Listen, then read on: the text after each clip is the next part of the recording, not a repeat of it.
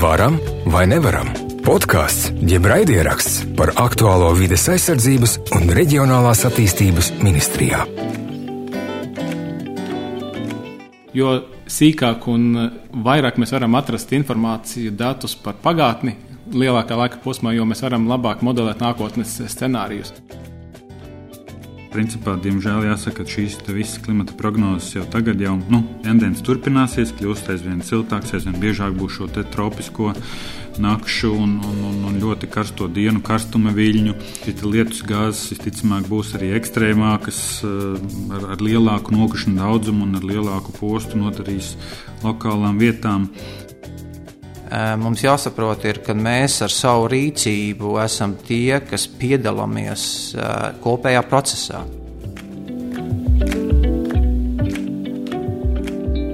Labdien!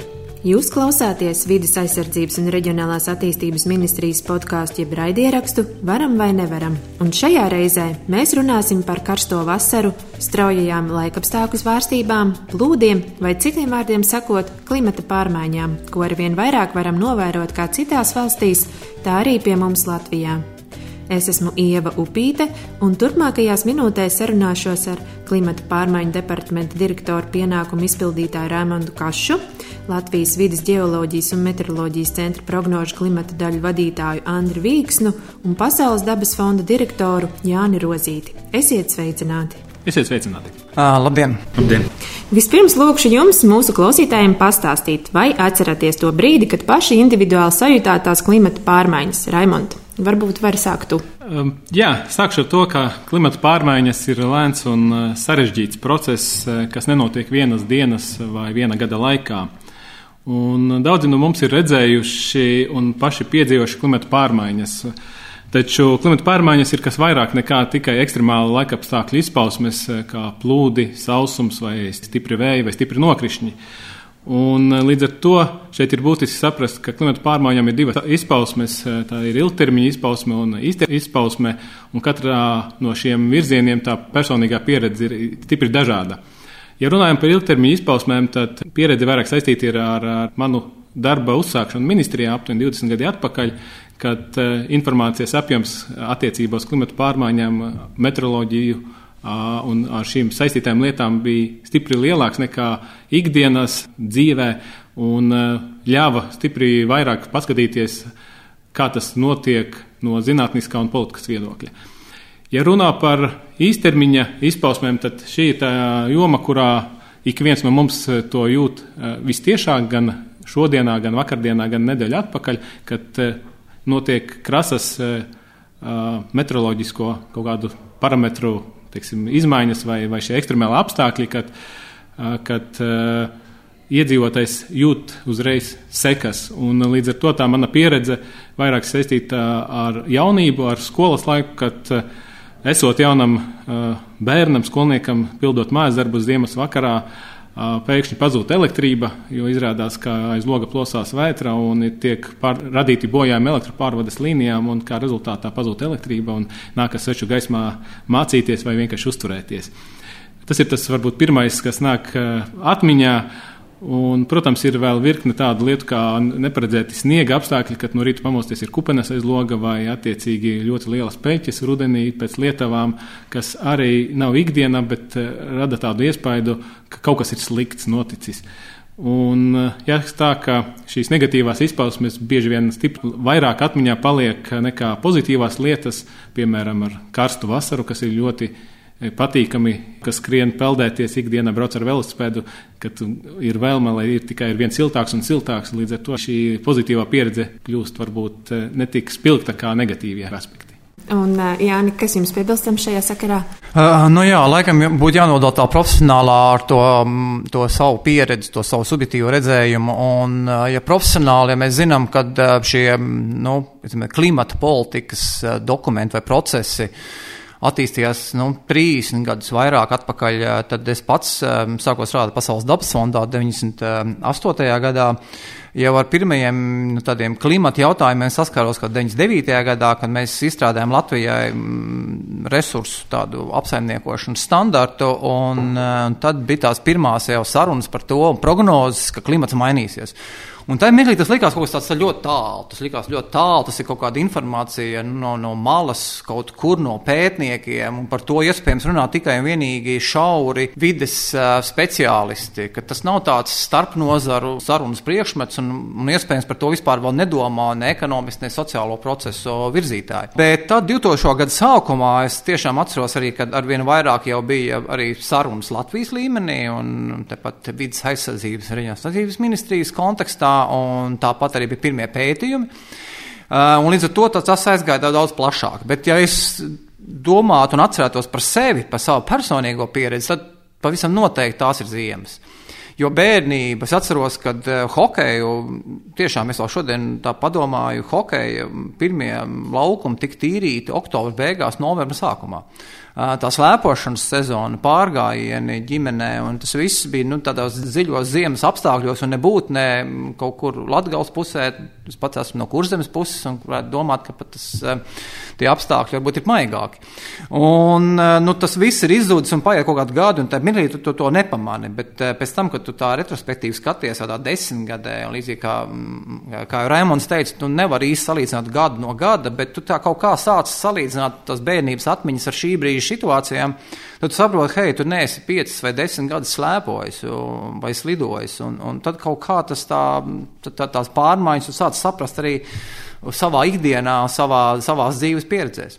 Mm, un jums, Antri, kā jums ar klimatu pārmaiņu pieredzi, droši vien varat vēl tiešāk novērot tas, kas mums mainās aiz loga. Jā, ar laika apstākļiem esmu bijis uz to, pat varbūt vairāk nekā uz to jau, jau no mazotnes. Uh, sekojot sākumā jau līdz to izmaiņām un, un mēģinot prognozēt vai skatoties, kāds tad ir klimats Latvijā vai citās pasaules reģionos. Bet nu, tīri subjektīvā līmenī nekam jāpiekrīt Jānim, ka lai arī visvairāk varbūt ikdienā tiek runāts par vidējās gaisa temperatūras izmaiņām pasaulē arī Latvijā, bet nu, tāds viens uzskatāmāks sajūtamāks parametrs būtu sniegs, sniega sagas izmaiņas, jo es atceros, ka principā katru ziemu gandrīz bija situācijas, kad nu, novembra beigās, decembrī uzsniega, un tad ik pa brīdim ir sniega kupenes, kas ir garāks par tevi pašu, un faktiski sniegs tikai pakāpeniski sāk nokust pavasarī. E, bieži vien varēja, nu, principā katru ziemu bija arī varēja slidot pa ezeriem. Es atceros, ka es te pats skraidīju daudz ziemas pāri Rīgas kanālam, kas varbūt pēdējos gados būtu grūti iedomājams. Tā kā šīs parametra izmaiņas, sniegsega izmaiņas bija tas tāds, nu, tāds sajūtamākais eh, jau faktiski jau bērnībā gandrīz pakāpeniski augot, bet tālāk jau tīri profesionālā jomā, jau strādājot jau ar šo jautājumu, tādas eh, pirmās, nu, teiksim, tāda apziņa, ka pasaule mainās, teiksim, klimatiskie apstākļi mainās, ir ap 2000. gadu vairāk sākumu, kad Pasaules meteoroloģijas organizācija jau ieteica pārskatīt to, periodu, ko mēs saprotam, asociējam ar mūsdienu klimatu.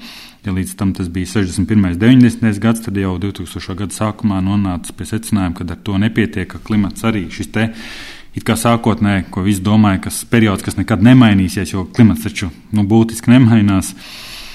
Nu, tādā īstermiņā, varbūt simtu gadu mērogā, tad uh, bija jau signāli, ka klimats mainās diezgan strauji. Uh, Un tālāk jau faktiski jau iepriekšējā desmitgadē līdz ar eh, šiem te Norvēģu finanšu grantiem, ka mums bija pirmie tādi nopietnie pētījumi arī tieši par klimata pārmaiņām Latvijā un nākotnes eh, klimata pārmaiņu scenārijiem, tad jau mēs tīri jau datos jau ieguvām šo informāciju, ka jā, klimats tiešām mainās un mainīsies. Un principā jau šis klimata pārmaiņas ir kaut kas tāds process, kas mēs ne tikai runājam par ka tas mainīsies nākotnē, bet mēs jau to redzam gan šodien, gan jau pēdējās desmitgadēs, kad šis klimats jau diezgan strauji mainās arī Latvijā, nevis kaut kur tikai pasaulē. Tad saprotu, ka mums jau sen tās klimata pārmaiņas klauvē pie durvīm. Jā, nu, pēdējās desmitgadēs šīs klimata pārmaiņas arī Latvijā notiek pietiekami strauji. Mm -hmm. Un varbūt jūs varētu ieskicēt, ko mēs pēdējos gados esam novērojuši. Nu, laikapstākļu ziņā, zināms, ārzemēs ir tie lielie plūdi, kas mums ir tāds neierastāks vai negaidītāks pavasarīgās ziemas varbūt.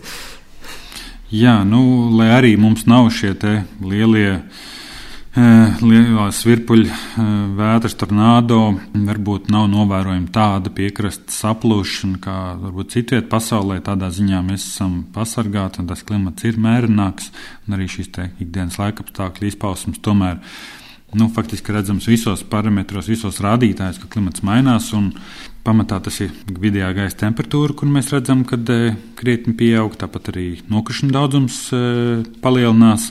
Bet kas ir eh, varbūt nozīmīgāk, ka tieši mainās un aizvien biežāk vērojam dažādu laikapstākļu ekstrēmi.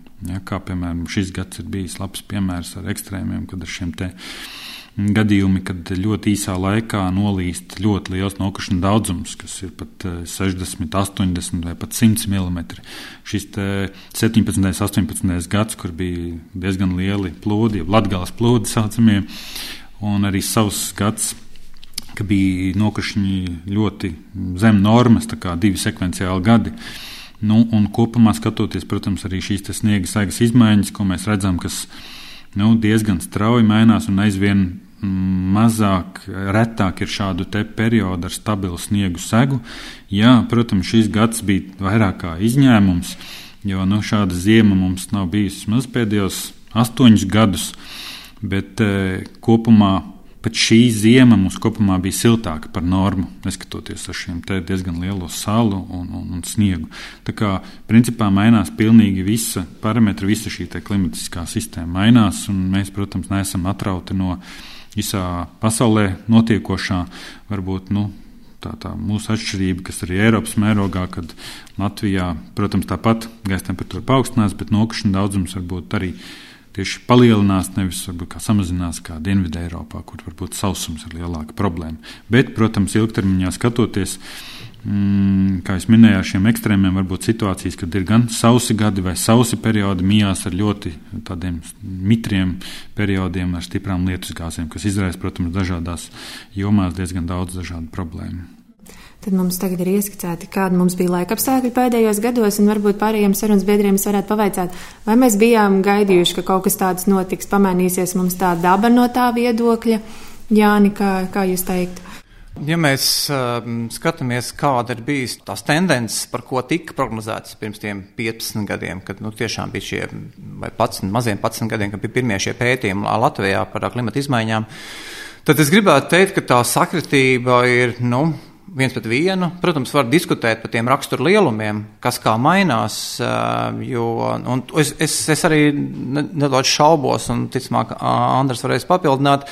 Kad ir, manuprāt, ļoti grūti jau noprognozēt kaut kādā desmitgadē, divdesmit gadē, trīs gadē, cik precīzi kāda būs tie rakstura lielumi, jo mēs tā ļoti brīvi runājam. Nu, būs pēc 50 gadiem tā, pēc 100 gadiem tā.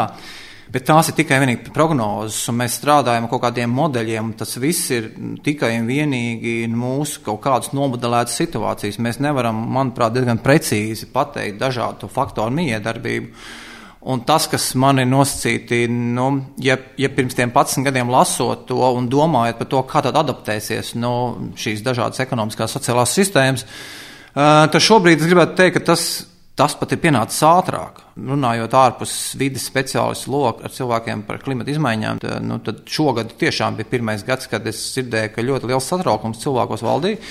Jo bija, nu, pirmkārt, bija šie ugunsgrēki, nu, ko mēs zinām eh, Dienvidē Eiropā, tad paralēli vētras un, un plūdi Vācija, Čehija, cilvēki sāk jautāt, nu kā, kā es parasti saku, tā cilpa valkās ar vien tuvāk. Loģiski, ka mums ir citi apstākļi, mums arī citi ir augstnes apstākļi, mozaīka veidi, kad mums, mums nevar būt tik draudīgi ugunsgrēki vai, vai, vai nu, šīs plūdu sistēmas, plūdi un šīs, šīs, šīs um, ūdens basēni būtu daudz, nedaudz savādāk atšķirīga tā uh, situācija.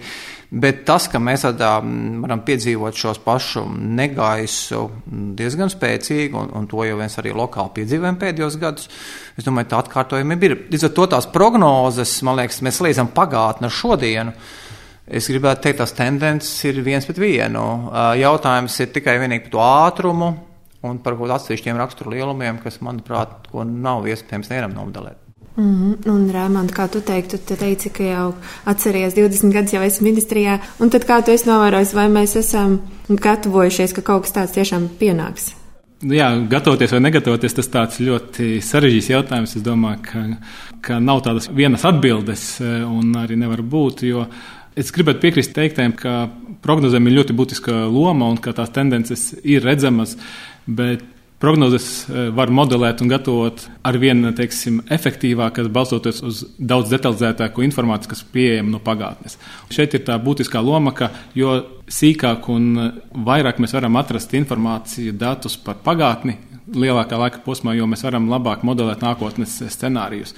Un šis ir tas viens no aspektiem, kas arī tiek skatīts ne tikai Latvijas kontekstā, bet arī starptautiski un pasaules līmenī. Un šeit es gribētu pieminēt, ka šī arī mana darbība un klimata pārmaiņu jautājumi faktiski aktualizējas ap 1995. gadu, kad ANO klimata konvencijas ietveros tika izveidota vispasaules, teiksim, visu pasaules valstu šīs te, varētu teikt, partnerība vai, vai Savienība. Savienība, varētu, jā, kurā ir iesaistīts visas pasaules valstis, kuras ir mērķētas, tendētas uz šo klimata pārmaiņu jautājumu mazināšanu. Līdz ar to jau 25 gadi, kas pagājušajā gadā pagāja, ir faktiski tajā zīmē, ka pasaules valstis skatās šos klimata pārmaiņu jautājumus ņemot vērā šo valstu specifikas. Tas nozīmē, ka nebūs tā, ka kāda valsts paliek teiksim, aiz borta, bet šeit notiek darbs ar klimatu pārmaiņu jautājumiem, izpausmēm pasaules reģionos un valstīs. Līdz ar to mēs esam viena sastāvdaļa no šo valstu grupas. Līdz ar to mūsu gadījumā izteiktāk iespējams ir kaut kādi varbūt krasta erozijas jautājumi Baltijas jūras kontekstā vai, vai kaut kāda veida gada laiki, kas mums ir četri izteikti, bet ir valstis, kur uh, šīs izpausmes ir stipri varbūt sarežģītākas no pielāgošanas viedokļa, kur, piemēram, mazās salu valstis vienkārši aplūst noteiktos periodos. Un, līdz ar to šī starpvalstu sadarbība, lai pēc iespējas precīzāk modelētu nākotnes scenārijus, ir ļoti, ļoti būtiska. Un arī turpmāk pie šī notiek aktīvs darbs. Nu jā, tātad, kā jau mēs sapratām, tad laikapstākļi ir un, ir un turpina mainīties, bet kā jums šķiet, varbūt Andri varētu pastāstīt, vai mums tie Latvijas četri gadi laiki paliks, vai izskatās, ka viņi tomēr savienosies vienā lielā pavasarī, rudenī, un droši vien daudz tagad visvairāk interesē, vai mums būs tie Baltie Ziemassvētki, vai var jau tagad kaut ko pastāstīt par to. Nu, šogad būs Baltie Ziemassvētki, es domāju, es ceru. Eh, bet, eh, nopietni runājot, eh, protams, ka šīs te tendences, kas ir novērojams tagad, turpināsies. Tas ir diezgan, nu, savā ziņā neatgriezenisks process, lēni maināms. Un, un jā, nu, principā, diemžēl jāsaka, ka šīs visas klimata prognozes jau tagad, jau, nu, mēs redzam jau līdz šim brīdim jau kā iepriekšējās prognozes ir piepildījušās, un šī korelācija diezgan cieša. Tā kā šis te tendence turpināsies, kļūst aizvien siltāks, aizvien biežāk būs šo tropisko nakšu un, un, un, un ļoti karsto dienu, karstuma viļņu. Šīs lietus gāzes visticamāk būs arī ekstrēmākas, eh, ar, ar lielāku nokrišņu daudzumu un ar lielāku postu nodarīs lokālām vietām. Bet eh, kopumā, nu, ziemās, protams, sniegs epizodiski būs pēc pašais pieejamiem scenārijiem, gan, kā es minēju, sniegs, sniega segas, teiksim tā. Nu, varbūtība samazināsies krietni Baltijas jūras piekrastēs pēc eh, nākotnes scenārijiem pat par 100%. Bet, nu, protams, ziema no ziemas laika apstākļi tāpat kā ikdienā mainās. Un tas nenozīmē, protams, ka mums vairs nekad nebūs saule un nekad vairs nebūs uh, ziemas, bet uh, šī te tendence turpinās.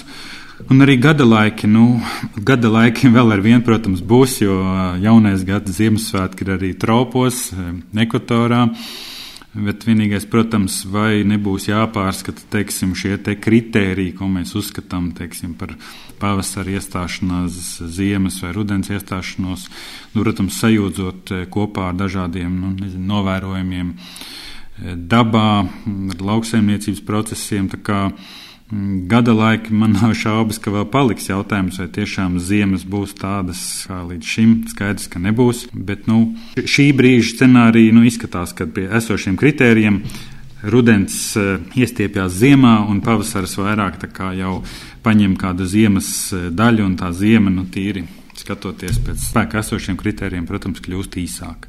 Bet nu, tas noteikti nenozīmē, ka nebūs ziemas un nebūs vēl balta Ziemassvētku. Mm -hmm. Tad viss būs, būs, bet varbūt tie atskaites punkti būs mazliet citi. Jā, nu tas būs varbūt retāk, bet nu, pilnībā ziema vismaz mūsu dzīves laikā noteikti nepazudīs. Bet tā tendence, protams, ir tāda, ka sniegs un šie ziemas laika apstākļi ir aizvien retāki un aizvien īsāks periods. Mm -hmm. Varbūt tad Rēmond varētu mūsu klausītājiem palīdzēt un paskaidrot, kā tās klimata pārmaiņas tiek mērītas un kas tad ir tas saucamais atskaites punkts, no kā mēs esam sapratuši, ka viņas ir pamainījušās. Um, es droši vien eh, to atskaites punktu nenosaukšu konkrētu datumu, vai, vai dienu, vai gadu, jo pēc būtības jāsaprot, ka tā mērīšana var vilkties ļoti, ļoti tālā pagātnē, vairāku gadu simtu tūkstoši atpakaļ, kad eh, analizējot, piemēram, ledus paraugus, kas iegūti Antarktītā, var novērtēt eh, CO2 šo koncentrāciju, kas ir atrastojos gaisa burbuļos. Tā, tā ir tā varbūt tā tālā vēsture, kuru var izmantot, lai identificētu, kāda bija šī situācija teiksim, ar klimatu tajā laikā. Ar to tā, tā vērtēšana ir. Ir tāds varbūt zinātnisks, drīzāk tāds nosacījums, kā mēs varam to darīt. Un par cēloņiem. Klimata pārmaiņām tas galvenais cēlonis ir piefiksēts, arī zinātniski tiek izvirzīts, un, un, un viedoklis ir, ka cilvēka radīta saimnieciska darbība rada klimata pārmaiņas. Līdz ar to faktiski ikviena cilvēka rīcība var atstāt vai atstāja ietekmi uz klimatu pārmaiņām, un šeit mēs varam runāt jau tālāk par to, kāda ir šī darbība. Un, un, un, protams, tas aktuālākais vai skaidrāk uztveramais šobrīd ir par dažādu veidu fosilo resursu izmantošanu, gan par dažādu veidu rūpnicisko teiksim, procesu izmantošanu savu produktu un preču ražošanā, jo ir skaidrs, ka mēs vēlamies dzīvot, mēs vēlamies labāk dzīvot, mums ir vajag šīs ikdienas lietas ko iegūt patēriņam, un līdz ar to arī šo iekārtu produktu iegūšana rada emisijas. Tā, līdz ar to šis ir tas posms, kurš atstāja ietekmi, un tā mēs varam runāt par katru no nozarēm, gan enerģētiku, gan transportu, lauksaimniecību un tā tālāk. Vai dabas fondam arī ko komentēt šajā sakarā? Par klimata pārmaiņām, kādi ir galvenie cēloņi Latvijā un vai mēs esam uz pareizā ceļa, lai tās novērstu? Uh, nu, es domāju, ka uh, par cēloņiem Latvijā nu, mēs, domāju, mēs tā fundamentāli mēs saliekam pa kategorijām, un Raimons jau pieminēja. Mums lielākos emitētājus uh, nav atšķirību, bet tas, kas vienmēr ir uh, sarunās Latvijā, tas uh, vai Latvija ir līdzatbildīga. Vai mēs esam līdzatbildīgi, visa valsts, vai mēs esam atbildīgi ar saviem sektoriem, mēs esam atbildīgi ar savām mājasaimniecībām vai konkrēts individs ejot pa brīvības ielu. Un tā atbilde vienmēr ir tāda, ka eh, nu, klimata krīze šobrīd, par ko nešaubās īsti nu, lielie biznesi šobrīd, un daž, dažādas citas valsts, nevalstiskas institūcijas. Ir eh, tas, ka eh, šī atbildība ir, protams, kolektīva. Un, ja mēs arī Latvija nav lielākie emitētāji, mums jāsaprot, ir, ka mēs ar savu rīcību esam tie, kas piedalāmies kopējā procesā. Un tas ir diezgan, tas ir diezgan tāds, protams, cilvēkiem grūti uztvert, nu, kāpēc man būtu jāmainās, ja Vācijā lūk notiek tā, vai Indijā notiek tā, vai Ķīnā notiek tā. Bet mums vienmēr ir jāsaprot, ka arī tās valstis vienmēr teiks, nu, ka, nu mēs būsim gatavi ko mainīt, bet, nu, lai tur mainās arī tie, tie, tie. Līdz ar to tas, ko arī pasaulē, nu, teikt, globāli ekonomiski saka, vienīgā cerība iziet no klimata, nu, tur daži punkti, vairāk punkti par vienu, bet viens no top trīs punktiem ir, cik šīs rīcības spēs būt vienotas. Jo beigu, beigās viens uz otru skatās, jo ceļš, un šodien pie starptautiskās tiesniecības tas, ka mēs esam tik ļoti savstarpēji saistīti. Nu, ja viena valsts kaut kādā veidā atsakās kaut ko īstenot, tas loģiski, ka tā otras valsts teiks, nu, kāpēc man būtu kaut kas jādara vairāk, līdz ar to man kaut kādas pārmaiņas, transformācijas maksā. Uh, ne tikai ekonomiski, bet ir noteikti liels izaicinājums ir sociālā vidē, jo cilvēkiem jāpielāgojas un jāmaina ieradumi. Un, ja mēs ejam vēl uz globāliem jautājumiem, tur ir vēl būs nepieciešams tādas smagas, dziļas tradīciju izmaiņas, jo tādi sociāli konstrukti kā īpašums, kopienu robežas, valsts robežas un vajadzības un tie kaut kā tradicionālās ierašanās var būt spiestas mainīties. Jo pēc būtības, ja tikai un vienīgi atstās individu līmenī pieņemt lēmumus vai kopienu līmenī pieņemt lēmumus par, par šīm vienotām rīcībām, tad pēc būtības var nekas fundamentāli nemainīties. Ar to būs vajadzīga kaut kāda kopējas vienošanās, kopēja mērķus, ko mēs virzamies. Un to mēs atnākam uz Latviju. Tad Latvija ir tāda pati valsts, kā akcionārs šai krīzē, un mēs visciešākā mērā, nu, ja mēs ja kāds vēl joprojām domā, ka mēs neesam emitētāji, tad mēs kādā ziņā šīs sekas saņemsim. Un otrs ir pēc būtības, ka mēs esam nu, arī Eiropas Savienības nu, kolektīva dalībnieks, un mēs arī daž, dažādas labumus gribam un vēlamies saņemt. Tad mums ir jāpiedalās kaut kādās kolektīvās rīcībās arī no tā viedokļa.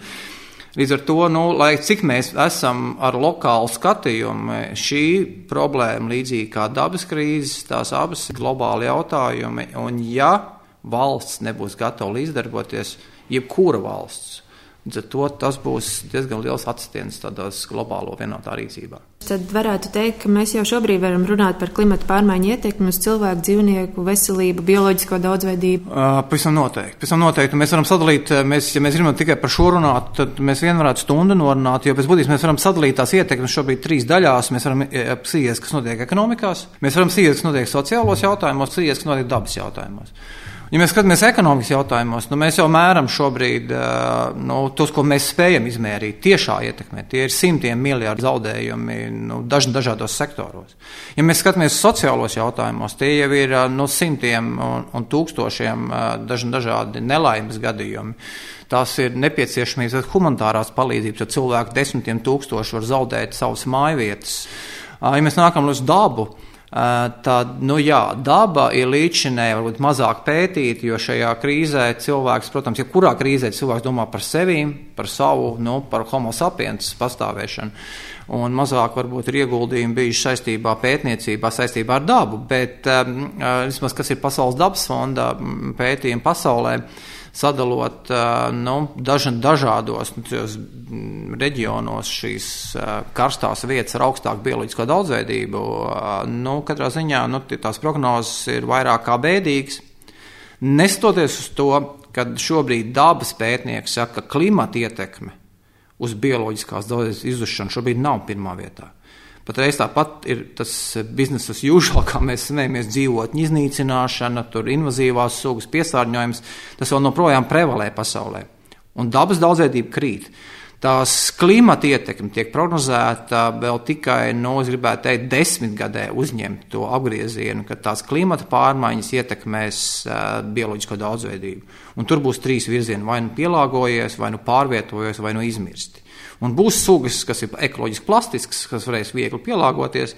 Kaut kas spēs pārvietoties, bet jautājums, kā mēs vispār pret to attiecamies, vai mēs tam ejam pretī. Tas nozīmē, ka mums jābūt ļoti pārdomātai vainai, pārvaldībai un daž, dažādiem citiem faktoriem. Un, nu, protams, ka mums būs jāsamierinās, ka um, liela daļa sugu, diemžēl, izmirs. Tad jautājums, cik tas tieši un netieši ietekmēs jau homo sapiens, kā cilvēku pastāvēšanu. Jo beig beigās šī bioloģiskā daudzveidība ir cilvēku labklājības no stūrakmens. Jā, visi apatekstētāji un tā tālāk. Tieši tā, tieši tā. Nu, tur jau ir bioloģiskās ķēdes, un tālāk mēs varam runāt par slimībām un par, par dažādiem kaitēkļiem, ko mēs mīlam lietot šos apzīmējumus. Turpinot tēmu, mēs arī Andris pieskārās laikapstākļiem un lietiem un visam tam, kas mums arvien vairāk parādās, un ministrija arī ir vaicājusi žurnālisti par to, vai Latvija varētu piedzīvot Vācijas un Beļģijas apmēru plūdus. Andris jau ieskicēja, ka mums bija Latgales plūdi, bet laikam tik liels plūdus mēs katastrofāls nevarētu pieredzēt. Kā jūs teiktu? Mēs varam runāt Latvijā par vairāku tipu plūdiem, teiksim, jeb izraisītājiem. Viens ir varbūt klasiskākais, kas bija. Mm, Tradicionāli bijis Latvijā tie ir pavasara palu plūdi, kas ir līdz ar ziemas otro pusi, notiek ledus uzlūšana, sastrēguma veidošanās, ledus eh, sniega kušana. Un tas izraisa diezgan jau tradicionālās vietās, kas gan, diemžēl, pēdējās desmitgadēs ir daudzas vietas arī apbūvētas intensīvi. Līdz ar to arī rada lielāku sociālo-ekonomisko nu, ietekmi arī nu, uz sabiedrību. Un e, šie plūdi, protams, ir bijuši tradicionāli, ar to arī mēs rēķinamies. Un arī nākotnē, nu, arī situācija, protams, mainās, mazāk varbūt veidosies ledus upēs, bet, nu, principā šis ziemas pala maksimums vēl saglabājas. Otra lieta, kas mums ir salīdzinoši varbūt jaunāka, ir šie lietus gāžu izraisītie plūdi, kas tiešām agrāk, iepriekšējās desmitgadēs, vairāk bija novērojami Vācijā, lasījām, tur Francijā, Centrālā Eiropā, ka notiek eh, vai citās eksotiskākās vietās, bet nu kā. Mūsu paša pieredze rāda, ka pēdējās desmitgadēs šādu gadījumu diezgan strauji pieauga arī Latvijā, ka tiešām lokālās teritorijās vērojam tādu ļoti intensīvu pērkonu negaisu nu, pārsvarā ar pērkonu negaisiem, kad izkrīt ļoti liels nokrišņu daudzums un kas rada lokālas aplūšanas. Un es atceros, ka pat uh, 2017. gadā, kas, protams, nebija varbūt tāds pirmais gadījums ar iepriekš bijušu aplūšanu, bet kad pirmo reizi pacēlās jautājums, nu, kā tā mēs modelējam hidroloģijā, upēs šo te, mm, ka var būt ūdens līmeņa strauja paaugstināšanās, bet šajā gadījumā bija aplūduši lauki reāli. Visi arī toreiz mums jautāja, un E, cik būs, kāds būs ūdens līmenis, bet pat ne upēs, bet jau sanāk laukos. Ja. Protams, hidroloģiskais modelis nav uz to kalibrēts, bet tas tikai parādīja nu, dabā to, ka tā ir reāla problēma, ka tā pastāv, šāda gadījuma skaits palielinās. Un ar to arī mums jārēķinās arī nākotnē, arī tīri Attīstot šo modelēšanu, arī nokrišņu modelēšanu, aprēķināt, kādas arī potenciāli vietas var apklust ne tikai pavasara palu laikā, bet arī, arī lietusgāžu laikā. Jā, LVģemce ir arī tā plūdu karte, kur var Jā, visu novērot. Jā, mēs tā kā arī atjaunojam un papildinam. Šos te aplūšanas varbūtību rēķinam dažādām teritorijām. Pamatā tās ir šīs valsts nozīmes plūdu draudu teritorijas, bet nu, pēc iespējas saņemot jaunāko šos lidāru skanējumus, mēs mēģinām atjaunot kartes un, un pakāpeniski noklāt lielāku teritoriju, lai cilvēki būtu informēti un vismaz nu, pirms celtu šo māju vai investētu šajā teritorijā, vismaz nu, saprast, apzinātos to situāciju, cik bieži šī teritorija vai aplūst. Un trešā lieta, kas ir arī diezgan bīstama nākotnē var lielāku problēmu radīt, ir vēju plūdi. Sevišķi ņemot vērā, ka Rīga kaut vai gandrīz te pusi Latvijas iedzīvotājiem ir lielā mērā pakļauta liela Rīgas daļa šiem plūdiem, ka līdz ar nu, tradicionāli tie ir ziemeļrietumu vēji, kas spēcīgi pūš ilgāku laiku un, un, un sevišķi līdzīgi var uh, radīt diezgan lielas problēmas, ilgstoši pūšot šiem vējiem. Uh, var pat ūdens līmenis paaugstināties par pusotru, diviem metriem. Un tad jau, kā mēs arī vairāk gan 2000. gadu sākumā esam, bet nu, arī pēc tam ir bijušas situācijas, kad ir diezgan lielas Rīgas teritorijas aplūdušas. Un kontekstā ar to, ka klimats mainās, ūdens līmeņi visā pasaulē paaugstinās, kaut vai nepalielinoties teiksim, par šo te vētru biežumu un stiprumu, kas arī, protams, mainīsies. Bet jau šis vidējais ūdens līmenis jau pakāpeniski paaugstinās, un līdz ar to jau tas risks principā, pats par sevi nepārtraukti pieaug.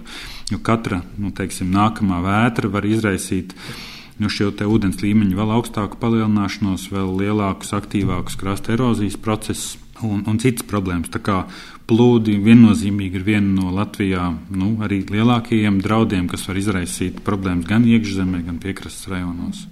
Varam precizēt. Un, Rēmond, runājot par klimatu pārmaiņām, kā mēs zinām, visi bieži tiek piesaukts tāds vārdu savienojums - klimata neutralitāte.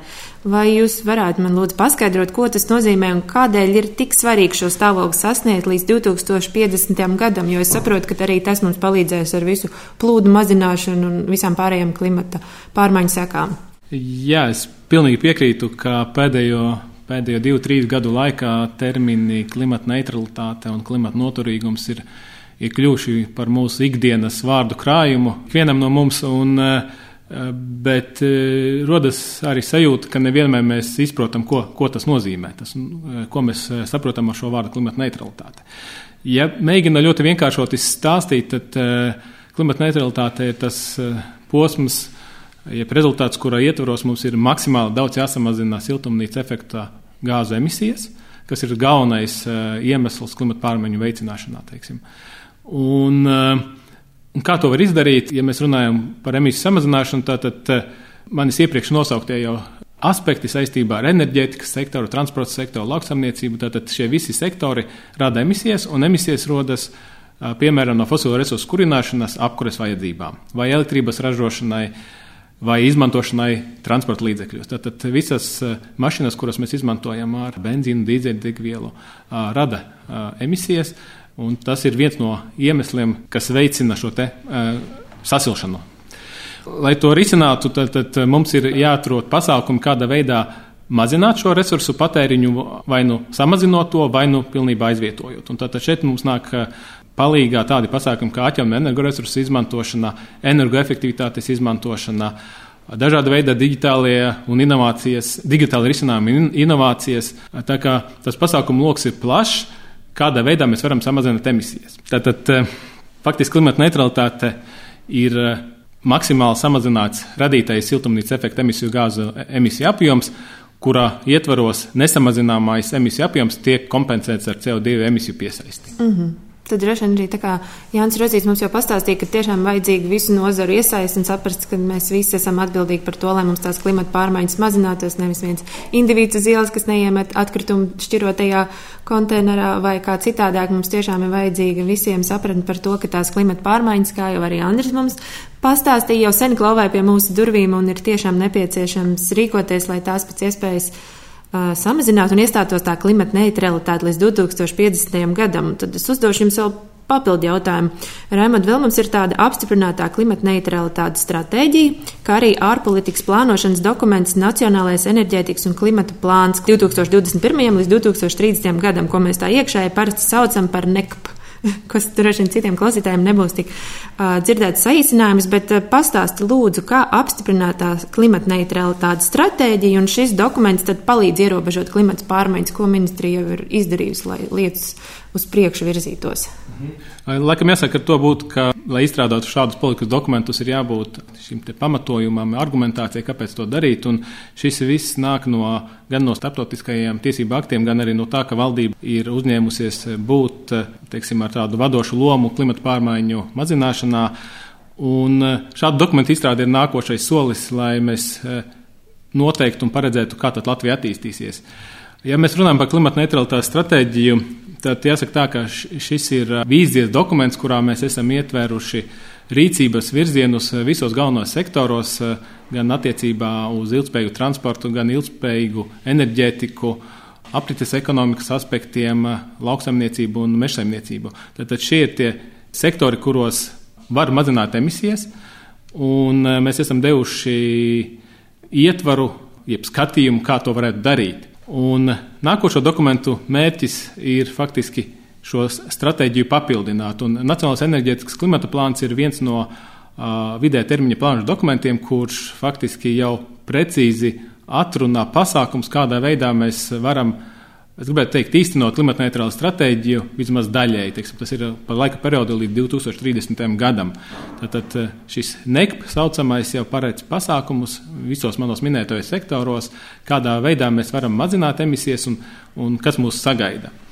Šeit es varbūt nelielu piebildi, piebildīšu, ka šobrīd runājam par 2030. gadu, bet ņemot vērā, ka pavisam nesen jūlijā ir Eiropas komisija nākusi klajā ar jaunu ambiciozu klimata paketi, ja tā var teikt, Fit for 55 kura ietvaros šie mērķi tiks pastiprināti. Tas nozīmē, ka arī Nacionālais enerģijas klimata plāns pēc gada diviem tiks pilnveidots, iekļaut vēl klāt papildus pasākumus, kādā veidā mēs varam mazināt emisijas. Mm -hmm. Un, Jāni, vai arī no dabas daudzveidības aspekta arī šie uh, jautājumi tiek izskatīti šajās pakotnēs, ko Raimons pieminēja? Uh, no dabas daudzveidība varbūt labā gadījumā paliek pieminēta, kad, uh, ka nevajadzētu nonākt pretrunā ar dabas daudzveidību, un tas varbūt pat pašreiz ir palicis sočķirīgi, un es domāju, ka tur būs daudz darba. Uh, tieši saistībā ar dabas daudzveidību. Bet vēl papildinot to, ko Raimons teica, nu, nu, manuprāt, ir jāatcerās, ka visi šie dokumenti, par ko jautājāt, Raimons komentēja, ir tomēr politiski kompromisi. Un tas ir viens, un otrs ir, nu, ko es vēlos redzēt, vēlos redzēt kaut kādus jau rezultātus. Gaidu, ka būs tie pirmie rezultāti pēc x gadiem vai pēc x periodu. Jo nu, mums Latvijā jau ļoti daudz ir labi stratēģijas, labi dokumenti. Jautājums ir, kādi būs reāli sasniegumi, kā mēs virzīsimies. Nu, pasaules dabasons gan globāli, gan Eiropā, nu, mēs esam, nu, var teikt, ejam pa priekšu šiem dokumentiem. Mēs nepārtraukti Eiropas līmenī strādājam pie tā, lai šie dokumenti būtu vēl ambiciozāki. Jo vienmēr pastāv kaut kāda, nu, pieņ, jau, jau, pie, tiek pieņemts, ka tie rezultāti var netikt sasniegti. Varbūt par 10%, vai par 20%, vai par 3%, par x procentu daļu mēs varam atpalikt no tā. Līdz ar to nu, ar ideju jau likt augstākus šos mērķus. No otras puses, ir jāsaprot, ka sabiedrība nu, visticamāk nav gatava šobrīd. Jo tas, kas mēs esam runājami, kaut kādi cilvēki, nezinu, Latvijā desmit, simts, tūkstots, eh, viens, daži procenti, kas runā par to un iedegās par to, ka viņi būtu gatavi jau šodien pārmaiņām. Mums jāsaprot, ka lielākā daļa sabiedrības, protams, uztrauc klimata pārmaiņas, to rāda aptaujas, eh, bet nu, cik katrs ir gatavs līdzdarboties un aktīvi līdzdarboties. Nevis tikai ar vārdiem vai ar atsevišķu mazu puzles gabaliņu šajā kopējā problēmas ainavā. Eh, līdz ar to ir, um, tas jautājums ir sabiedrība īsti nav gatava Mums jābūt pavisam drosmīgi to pateikt. Un drīz ar to būs jādomā, kāda notiks šī sociālā transformācijas procesa. Nākamais ir, cik paši biznesi, un mēs redzam arī par, par pieminēto Fit for 55. Arī tur jau šobrīd gan nacionāla līmenī, gan Eiropas līmenī dažādi sektori uztraukšies. Jo tas vektors ar tiem mērķiem, klimata neutralitātes virzienu, prasa ļoti straujas izmaiņas. Un jau šobrīd dažādas nozares saka, ka uh, Nu, mēs visi saprotam, ka mums jāmainās, bet nu, mēs nevaram izmainīties tagad mēneša, gada, trīs vai piecu gadu laikā. Tas mums prasa diezgan daudz, lielas fundamentālas izmaiņas, ieguldījumus, un mēs esam vēl nereti ne, konkrēti nespējīgi ar ārējiem nu, tirgus dalībniekiem ārpus Eiropas Savienības. Līdz ar to tur ir daudz dažādu faktori, bet um, es gribētu domāt, ka mēs esam tikai sākuma sākumā. Un mums būs vēl ļoti daudz darāmā, un to mēs katrs personīgi izjutīsim no savas ikdienas izmaiņām. Gan es domāju, ienākot jaunām tehnoloģijām, gan es domāju, tehnoloģijas prognozēja, ka tikai vienīgi pašas tehnoloģijas nepalīdzēs mums mainīties. Mums iespējams mums būs jāmaina savi ieradumi, un mums no kaut kā būs jāatsakās. Un, eh, jo nu, pats par sevi patēriņš, tehnoloģijas nevar mums uh, pilnībā palīdzēt uh, nemainīt mūsu attieksmes patēriņos. Un, uh, ja mēs zinām, ka šobrīd globāli mums ir 7,8 miljardi iedzīvotāji, ticamāk, tas skaits būs 10, 11 miljardi cilvēku. Līdz ar to nu, šis patēriņa apjoms pieaugs daž, dažādos virzienos. Un, tur, nu, un vai mēs dzīvojam atkal, tas pats jautājums, vai mēs būsim Ķīnā vai Latvijā mums būs jāpamaina kaut kāda ikdienas ieradumi. Un tas, protams, kā jau teicu, tie būs tie sociālai transformācijas jautājumi. Mm, kā Andri, jūs teiktu, no šiem visiem plānošanas dokumentiem vai arī LVģMC skar šie jautājumi un, un kādā aspektā? E, nu, varbūt mēs nestrādājam ikdienā ar visiem šiem normatīviem aktiem, bet nu, mēs esam varbūt tā kā savā ziņā triggers tam, lai kā lai tiešām varētu pieņemt datos balstītus lēmumus, ka šīs klimata pārmaiņas notiek, vai pēc tam jau izstrādājot dažādas pielāgošanās, teiksim, stratēģijas vai pasākumu kopus, lai varētu monitorēt arī vai šie te pielāgošanās pasākumi vai šo procesu ievainojamība ir mainījusies laikā. Varbūt ir jāpārskata kaut kāda efektīvāka pieeja. Tur, protams, mēs esam iesaistīti, bet mēs to vairāk jūtam tīri ar Tas būtu interesanti ar dažādām nozarēm, kuras mēs redzam, ja tā teikt, mostās un saprot, ka tās klimata pārmaiņas jau notiek šobrīd, un tās varbūt ir negaidīti, varbūt mums sākotnēji, bet ir uh, liela interese un, un teiksim, tāda apzināšanās no enerģētikas sektora apdrošinātājiem un arī Latvijas bankas kaut vai, kas jau saprot eh, šos riskus un, un aktīvi mēs arī runājam, sazinamies. Par, eh, par šīm klimata pārmaiņām, palīdzam izprast, eh, ko tas tieši nozīmē, kā tas iet kopā ar pasaulē notiekošiem procesiem, vai tos var teiksim, eh, mm, attiecināt arī uz Latviju, kāda varbūt tieši Latvijā gaidāmās problēmas. Tā kā lēnām sabiedrība mostās un, un redzam aizvien vairāk ar katru gadu tādu lielāku interesi, un ka tiešām cilvēki uzņēmumos veidojās tādas, teiksim, kādas grupas, kas nodarbojās ar šo risku apzināšanu un, un nopietni pēc tam jau strādā arī ar, ar, ar politikas veidotājiem. Un, un poz, katrā ziņā es redzu pozitīvu virzību, lai gan, protams, vēl ir ļoti liels tā priekšā darbs, teiksim, individuāli mainīt šos paradumu maiņu, kas ir nu, ļoti, ļoti liels izaicinājums. Mēs visi saprotam, labi, ir klimata pārmaiņas, tas ir slikti, kaut kas ir jādara, ja, bet kad tas nonāk līdz mūsu indivīda kaut kādai rīcībai, paradumu maiņām, Protams, tur šī problēma ir, ir krietni lielāka, bet uh, tomēr esmu optimistisks, ka es redzu, ka izmaiņas notiek. Nu, re. un es taisni gribēju teikt, ka mūsu podkāsts saucās Varam vai nevaram, tāpēc varbūt ir jāpajautā, mēs jau gan te pieskārāmies, bet ko mēs varam, jeb ko mēs jau līdz šim kā valsts esam izdarījuši, lai novērstu klimata pārmaiņas, vai arī kas ir tās labās lietas, ko mēs varam uzskaitīt? Nu jā, šo mēs jau esam izdarījuši, Raimot, kā tu teikt.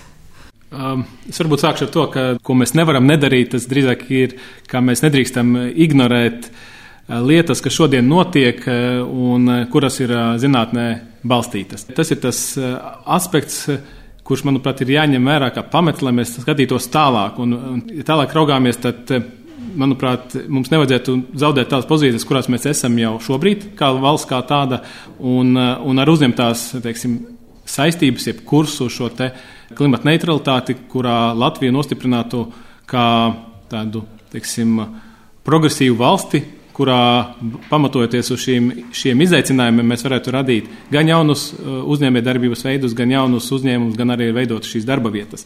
Līdz ar to, manuprāt, šī ir tā iespēja, kuru, kuru mums vajadzētu nevis ieslēgt atpakaļ gaitu, bet virzīties uz priekšu ar vien aktīvāk un aktīvāk.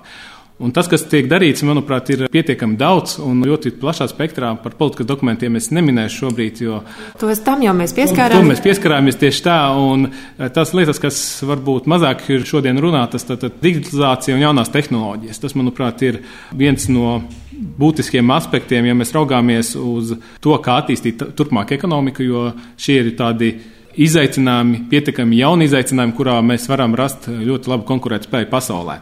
Tas pats attiecas uz pētniecību. Pētniecībā nav robežu starpvalstu vai starpkontinentu robežu. Tātad eh, mūsu zinātne zinātnieki, kas spēj piedāvāt konkurētspējīgus jaunus risinājumus, un arī pieredze ir saistībā ar dažādu veidu risinājumiem, gan attiecībā uz atņemtu resursu tehnoloģiju izstrādi, gan energoefektivitāti un, un, un tam līdzīgiem pasākumiem. Tātad šis ir tas modelis, kurš mums arī jātīst tālāk, lai mēs veicinātu ekonomikas attīstību. Nenoliedzami vēl būtiska loma ir pašvaldībām pilsētām šo pasākumu ieviešanā. Jo skaidrs, ka mēs kā sabiedrība, kā iedzīvotāji dzīvojam katrs savā teiksim, novadā, pilsētā. Un mums vis, vistiešāk ietekmē to, ko dara pašvaldības, kā viņas plāno, kā īsteno šos pasākumus. Līdz ar to uh, arī pašvaldībām ir ļoti būtiska loma, kā mēs varam uh, teiksim, pielāgoties vai mazināt klimata pārmaiņas. Tā kā tie būtu varbūt tie galvenie punkti, un, protams, arī Andra minētais par šo paradumu maiņu, tas, manuprāt, ir ļoti nozīmīgs aspekts. Uh, Un arī no pieredzes skatoties, es, kā jau minēju, sākumā es ļoti ilgstoši ministrijā strādāju. Un, uh, un pirmie gadi bija tādi, ka tā informācija faktiski bija semināri, konferences, kurā tika informēti gan ierēģi, gan komersanti, gan iedzīvotāji par to, pār, kas ir klimata pārmaiņas, viņas notiek. Bet uh, risinājumi pretī netiek, netika piedāvāti, kā to darīt. Un tā, ka, kā viens no piemēriem ir piemēram ekoefektivitāte. 20 gadi atpakaļ sāka veidoties varbūt pirmie ekoefektivitātes projekti Latvijā, kad mēs pārņēmām ar vācu kolēģiem šo pieredzi, lai siltinātu ēkas Latvijā. Bet tā attīstība šajā posmā, 20 gadu posmā, ir, es gribētu teikt, nav bijusi pilnvērtīga, jo tas ēku skaits joprojām Latvijā ir ļoti liels, kas nav nosiltinātas. Līdz ar to šeit ir drīzāk ne tik daudz informēšanas vajadzība, ka vajag siltināt, siltināt, siltināt ēkas, bet drīzāk pretēji jāro šī paradumu maiņas efekti, kādā me, veidā mēs to varam darīt. Un, un to var darīt tikai piedāvājot konkrētu vai nu infrastruktūras pasākumus, vai, vai citus taustāmus labumus, kurā būtu vēlme mainīties.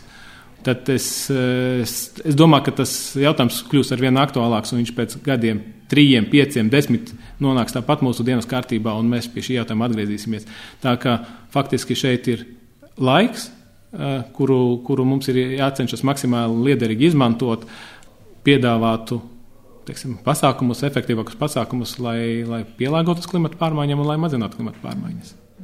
Vai, Jāni, jums būtu ko piebilst? Rēmons jau nosauc, ko mēs noteikti esam izdarījuši, ko mēs varam vēl izdarīt, bet varbūt no otras puses pavaicājot, ko mēs noteikti nevaram nedarīt, vai kas mums vēl būtu jāizdara, lai tuvotos tām klimata neutralitātei un mazinātu tās klimata pārmaiņas.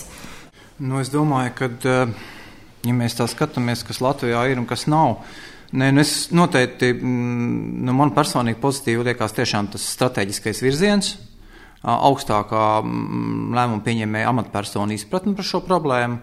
Un tas ir, manuprāt, ļoti daudz, un, un, un vismaz šie strateģiskie dokumenti, kas iezīmē kaut kādu virzienu. Uh, Par tie praktisko pusi, nu, jāskatās to tiešām katrā sektorā, nu, manuprāt, tur mēs esam tikai tādā, var teikt, ieskrējienā. Uh, par to, ko nevaram, es, es, es, es domāju tiešām, kad, kad nu, mums pilnīgi visos sektoros mēs varam sties atjaunīgiem energoresursiem. Tur mums ir jāpieliek nu, lielas, var teikt, liela darbība, mums jāpieliek energoefektivitātei. Mums ir jādomā mm, arī tā skaitā klimata adaptācijas jautājumiem, eh, un varbūt mēs šodien par to mazāk runājam, bet nu, tā tomēr ir sastāvdaļa šeit klimata pārmaiņās, un jādomā ir, jo skaidrs tas, ka ka visa mūsu šodienas sinhronā rīcība jau neizmainīs, kaut arī cik viņa būtu pozitīva, mēs neizmainīsim rītdienu, jau rīt no rīta nemainīsies klimata pārmaiņas eh, pasaulē. Tāpat mēs šobrīd darām to nu, daudzu desmitgāžu uz priekšu vārdā. Un no LVģMC puses, vai arī ir kaut kas, ko mēs noteikti nevaram nedarīt, vai gribas uzsvērt kaut ko, ko mēs noteikti esam labi izdarījuši? Nevaram nedarīt, vajag darīt. Ne, manuprāt, nu, arī tīri no tīri pārstāvot šo meteoroloģisko, hidrometeoroloģisko pusi.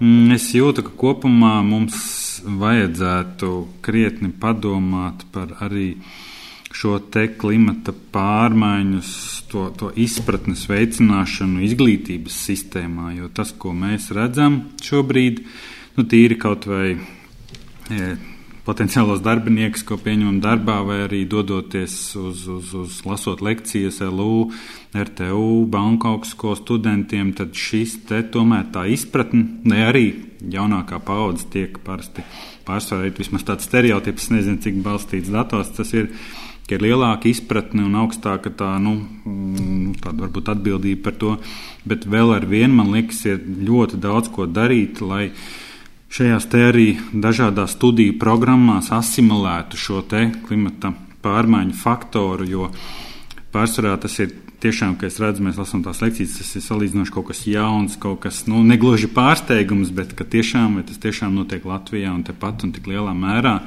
Tā kā man liekas, tas ar steigu jau domājot tālāk stratēģijas uz priekšu gadu desmitus, ka šī paudze, kas mācās, būs varbūt politikas veidotāji pēc gadiem, 10, 20, 30. Tad man liekas, ar, ar steigā jau jāsāk ir nu, pat arī no tā skola un bērndārs. Īstenībā tas viss eh, izglītības sistēma visos līmeņos ir jāsimulē tā, tā izpratne, jo nu, vairs nevar teikt, ka nu, nav mums datu vai, vai, vai nu, nav informācijas, ko izmantot. Bet es teiktu, ka tā ir salīdzinoši vēl pasīvi. To varētu darīt un vajadzētu darīt nevar nedarīt to, teiksim. Un tad varbūt pēdējais jautājums, noslēdzot šo visu mūsu sarunu, lūgšu katram jums iedot tādu kā ceļamaizi mūsu klausītājiem. Ko tad katrs Latvijas iedzīvotājs var izdarīt, lai mazinātu to ietekmi uz klimatu, izslēgt to gaismiņu, uzlikt tās puķis uz balkona, lai apateksnētājiem ir ko ēst pilsētā, kā jūs teiktu? Andri, varbūt sāksim ar jums. Mēs varam darīt daudz katrs individuālā līmenī. Jā, protams, tam nebūs tādas ietekmes uzreiz uz visu pasauli, bet tie ir tās apziņas, eh, lai rastos šī apziņa un, un tiktu nodot šī pieeja arī pārējiem. Nu, kaut vai tas, ko es redzu, man priecē, un kur mēs varam darīt daudz vēl, ir kaut vai tie paši šķirotie atkritumi. Nu, ja es pirms vēl gadiem, pieciem, desmit bija normāli, kad pieliek miskastu pilnu ar pieci litru tukšām burkām, nu, plasmas pudelēm, nesaplacinot tās un blakus vēl sakrauja čupu. Tas bija normāla situācija. Tagad man priecē, ka tomēr aizvien vairāk cilvēku arī pat rindas kādreiz veidojas pie, pie šiem te šķirot atkritumu poligoniem. Kad tur redz jau cilvēki jau sveicinās un tādajādi pēc tam jau sekas, teiksim, arī pagājušajā gadā, kad mums bija darbā jau arī pozitīvi pārsteidz jau, jau atkal šajās komunās, jau diskusijas par šīm klimata pārmaiņām, arī ko, ko, ko Jānis minēja, ka tas triggerē to, to kopējo izpratni arī. Ka, Kāpēc, piemēram, šāds vidēji varbūt nedraudzīgs eh, trauku mazgājumais līdzeklis, vai varbūt uztaisīsim kaut kādu šķirotu atkritumu, teiksim, telpā kaut kādas kastes, nu, kad sāk veidoties šīs sarunas ne tikai ar individuālu līmenī, bet, bet arī jau tādās komunās darba vietās. Uh, Un, un tas, protams, ir jāsāk katram sevi jālauž un jārada piemērs kaut kādai pašam sev pirmām kārtām, un pēc tam jau tas lēnām aiziet. Bet nu, es ceru, ka mēs paši izglītojoties, arī iegūstot lielāku izpratni gan individuālā līmenī, gan, kas ir ļoti svarīgi, jau veicinot arī šo izpratni tālāk sabiedrībā. To, to turpināsim radīt to kopējo izpratni par to procesiem, ka tas ir jādara šodien. Mm, paldies, un Jāni, jūsu ceļa vārdu mūsu klausītājiem. Jā, nu divas lietas. Pirmkārt, tāda liela lieta, esi pilsoniski aktīvs rada pieprasījumu. Rada pieprasījumu savā pašvaldībā, rada pieprasījumu valstī pēc vidē draudzīgiem risinājumiem. Un otrs tāds konkrēti praktisks, nu, ko es pats esmu pēdējā laikā piedomājis, un esmu, zinām, mērā aizrāvies ar šo rīcību savā īpašumā, savā sētā, dārzā, tas ir mazdārs vai lieldārs pēc būtības kaut ko, ko var izdarīt eh, dabas daudzveidības saglabāšanai. Jo šīs klimata izmaiņas, protams, liek kaut kā mm, arī adaptēties dabai. Un, lai arī mēs nespējam noprognozēt un mēs nespējam saprast līdz galam, kā šīs bioloģiskās ķēdes, kā tas viss reaģēs, bet iespējams ar kaut kādu tiešām nepļautu mauriņu daļu, ar kaut kādu sausa koku atstāšanu un saprātīgu sava meža apsaimniekošanu vai izmantošanu, mēs varam veidot kaut kādu vidi, kas varbūt būs spējis adaptēties šīm sugām. Un varbūt mēs pat tiešām esam izšķiroši ar mūsu rīcību kādai sugu populācijai tieši Latvijā. Paldies jums par sarunu. Tā bija tikai neliela iepazīšanās par lielo klimata tēmu, kurai šajās minūtēs paspējam pieskarties tā teikti tikai aizberga redzamajai daļai. Saviem sarunbiedriem novēlu veiksmi turpmākajos darbos, lai mēs visi kopā varētu piedzīvot klimata neutralitāti 2050. gadā. Paldies jums par sarunu un uz tikšanos nākamajos varam vai nevaram podkāstos.